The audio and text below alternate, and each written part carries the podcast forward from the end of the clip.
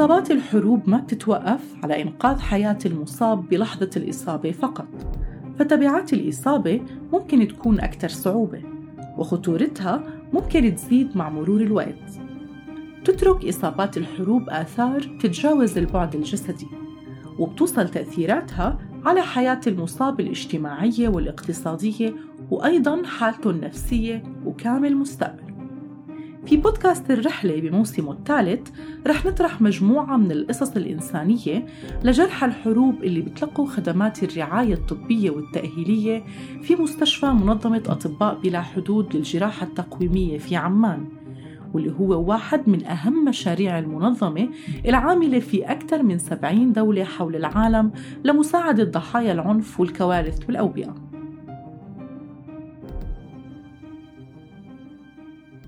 في رحلة هالحلقة رح أخذكم أنا إيناس أبو خلف لليمن. لنسمع قصة شاب تم تحويله لمستشفى منظمة أطباء بلا حدود بعمان ليتلقى العلاج إثر إصابة تعرض لها أثناء تواجده في بيته. وبعد تلقيه الرعاية الأساسية في مستشفى المنظمة في عدن.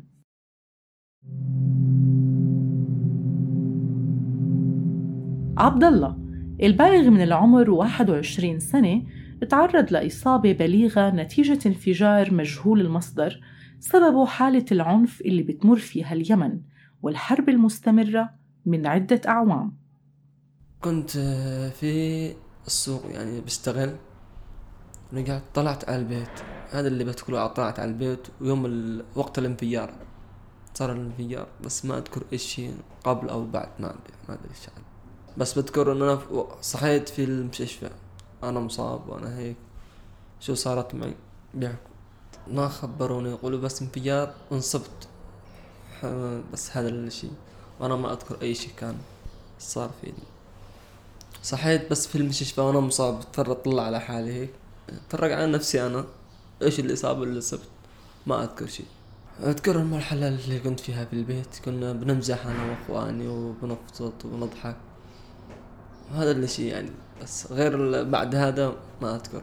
تم تحويل عبد الله ليتلقى العلاج في مستشفى منظمة أطباء بلا حدود بعدن بعد فترة قصيرة من تلقيه العلاج بأحد المستشفيات العامة ليخضع لعدة عمليات جراحية هناك. كانت العمليات كلها أكثر العمليات كانت في, في البطن يعني. كانت كلها البطن مفتوحة. يقول لي الدكتور ورانا صور يعني استغربت على حالي. والحمد لله يعني اكتب لي عمر جديد يعني الحمد لله شفت الصور طلعت على نفسي طلع على بطني يعني الحمد لله ممكن حدث سوى لي 12 عملية في البطن وصلح لي في الكلى والمعدة والأمعاء وهذا الشيء. والإيد صحيت الإيد مفتور يعني. والإيد اليمين صار فيها إجراح وفيها تكاسير العظم تشوش في العظم والأعصاب تقطعت هذه الأشياء فيها اليمين. وصارت إصابة في في شظايا في العين. أثناء تلقي عبد الله العلاج في مستشفى منظمة أطباء بلا حدود في عدن عمل طبيب الإحالة على نقل ملفه للجنة الاختصاص في مستشفى الجراحة التقويمية التابع للمنظمة في عمان وتمت الموافقة على إحالته. قلت لهم كيف اطلع على الأردن؟ قالوا في عندك هناك في الأردن في علاج وفي عمليات في كل شيء في مصاريف. ولا تحتاج أي شيء معك يعني. تحتاج ملابسك بس تطلع معك ما تحتاج أي شيء. والحمد لله مرت الشهور ستة شهور وطلعت على الأردن. وصلحوا لي عمليات في إيدي ست أو سبع عمليات اللي بذكرها الآن يمكن سبع عمليات. إصابة عبد الله الحرجة في مختلف مناطق جسمه وخسارته لذراعه الأيمن وإصابة يده اليمنى منعته من الاعتماد على نفسه لقضاء حاجاته.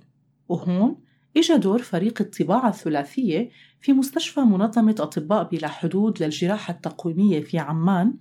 واللي بتشرح مشرفة المشروع سمر إسماعيل آلية تدخلهم مع حالة عبد الله آه، في البداية طبعا إحنا كنا شفنا قمنا بالتقييم تبعه وشفنا حاجاته.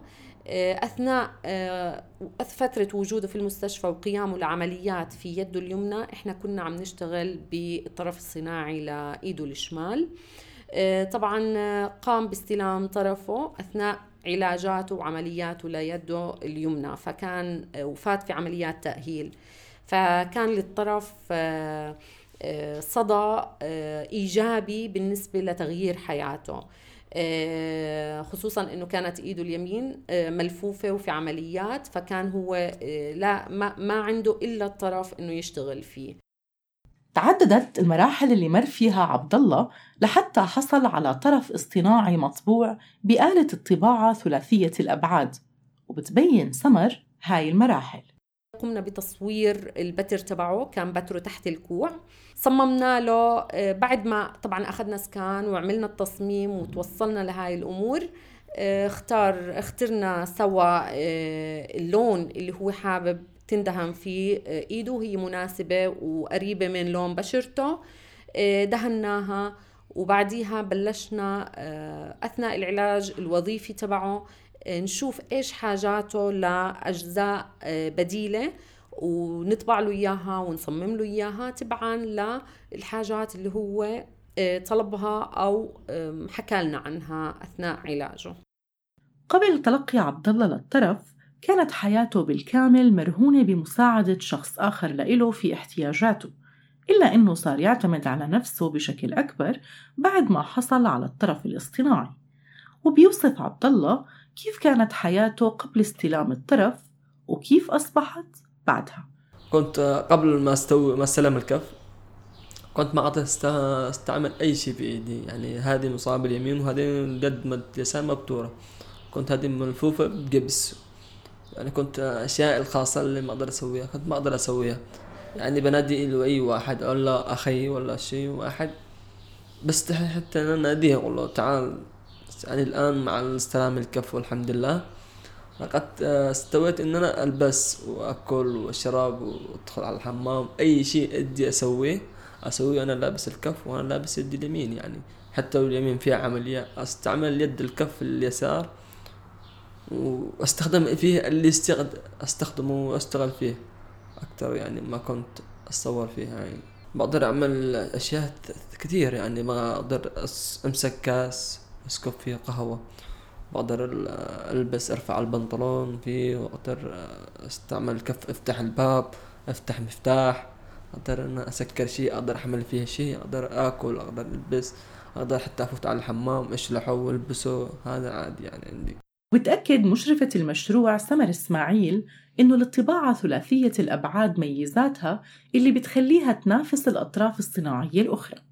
هذا كان لأسباب كثيرة منها إنه خفيف الوزن آه، كان آه، تصميمه إنه الجزء البديل ممكن يتغير وينحط له جزء آخر آه، ملائم لوظيفة معينة فبالتالي هو ساعد المرضى إنهم يحققوا أهداف وظيفية في حياتهم. بالإضافة إلى أنه السعر تبعه كتير قليل مقارنة بالأطراف اللي عم تنعمل في السوق. آه، بالإضافة إلى أنه سهولة الاستعمال للمريض. توفير الطرف الاصطناعي بالطباعة الثلاثية هو مرحلة من عدة مراحل تأهيلية وما كانت النتائج اللي وصل لها عبد الله من دون جلسات العلاج الوظيفي. نور الخطيب اختصاصية العلاج الوظيفي في مستشفى منظمة أطباء بلا حدود للجراحة التقويمية كانت أشرفت على عبد الله في خلال علاجه وبتشرح لنا الخطوات اللي اتبعوها معه. بلشنا ندربه عليها هاي كانت أول مرحلة إنه يدرب كيف يستخدمها مثلا تعطيه support بحمل الأشياء آه، تعطيه support بالتثبيت كمان لما كان يقوم بكل العمليات بإيده اليمين آه، وهو يجبروه كل إيده كاست مثلا ما في آه، ما في أي وظيفة إلها كان يعوض عنها بالطرف. فكان جزء كبير من العلاج بيعتمد إنه على التدريب. آه، التدريب يعني بيعتمد إنه نلاقي يا إما بنقوم بالتاسك نفسها.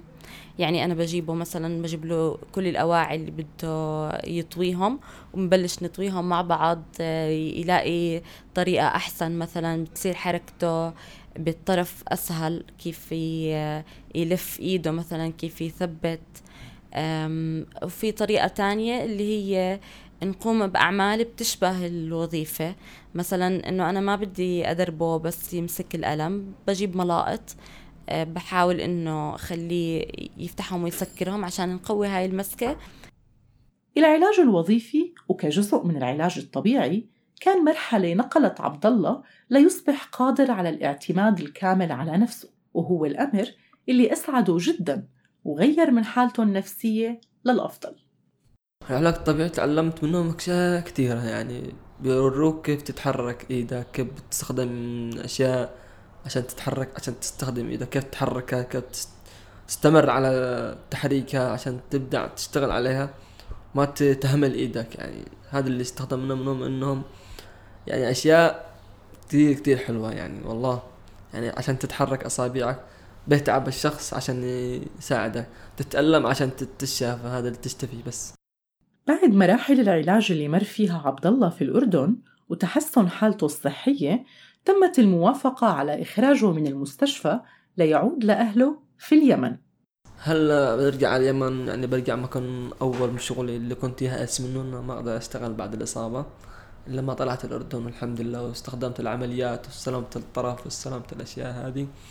أقدر أنا أشتغل أي شغل كنت أشتغل أول بس الأشياء الحاجة الثقيلة على جسمي على ذا ما بقدر أشتغل الحاجة الثقيلة. بس الآن بقدر أشتغل أروح على البحر بروح على المطعم بروح على أي مكان بدي أشتغل فيه بروح أشتغل كما كنت أول وأحسن إن شاء الله. قالوا ترجع اليمن تشوف أهلك تشوف هذا وتراجع الأطباء في العدو في اليمن. تراجع عنا. يمكن نطلعك مرة ثانية لو احتاج علاج أو تحتاج عمليات تحتاج أو شيء. نقدر نرجعك مرة ثانية إلى الأردن. بدأت منظمة أطباء بلا حدود بمشروع الطباعة الثلاثية في عام 2016 كجزء من مشروع بحثي ودراسي لمعرفة مدى فعالية استخدام أطراف مطبوعة بتقنية ثلاثية الأبعاد وبالتحديد على المصابين ببتر بالأطراف العلوية. ومنذ بداية المشروع وفر الفريق 35 طرف اصطناعي بالإضافة لطباعة 16 قناع لشد الوجه لمصابي الحروق والعديد من الطباعات المساهمة في التحضير للعمليات الجراحية. كنا معكم في هالحلقة من التقديم إيناس أبو خلف ومن الإعداد والإشراف إيهاب زواتي وعلى المؤثرات الصوتية حسين عمري. تابعونا على الفيسبوك وإنستغرام ساوند كلاود وسبوتيفاي لتعرفوا أكثر عن الحلقات القادمة. كما إنه بإمكانكم دعمنا من خلال زيارة الموقع www.rsp.msf-me.org